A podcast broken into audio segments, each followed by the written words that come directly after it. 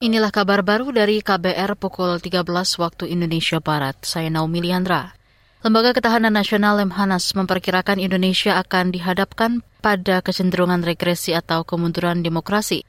Gubernur Lemhanas Andi Wijayanto mengatakan, situasi ini terjadi akibat persaingan politik yang makin kuat menjelang pemilu 2024.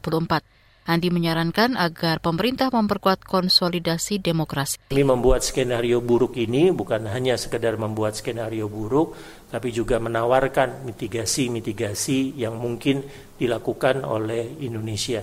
Ya, kita bisa mengendalikan variabel politik dan ekonomi nasional, cenderung tidak bisa mengendalikan variabel politik dan ekonomi global usaha kami adalah menawarkan mitigasi-mitigasi sehingga batang-batang yang sekarang berada di bawah bergerak negatif minimal bisa diperkecil negatifnya kalau bisa menjadi batang-batang di area yang positif di atas.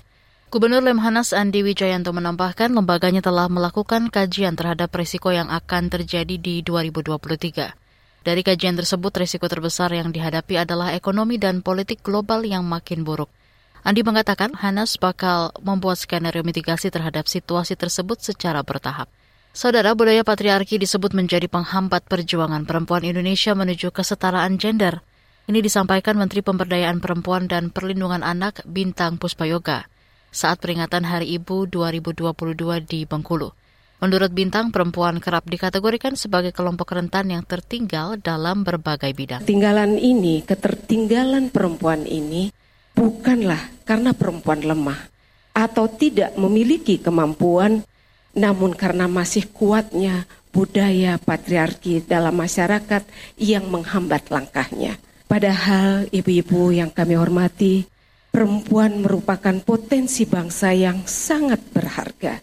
Dari jumlahnya saja, perempuan mengisi hampir setengah dari populasi Indonesia. Menteri Pemberdayaan Perempuan dan Perlindungan Anak Bintang Puspayoga menyebut sekitar 70 persen perempuan Indonesia memasuki usia produktif, sehingga memiliki kesempatan untuk berkontribusi dalam pembangunan dan kemajuan bangsa.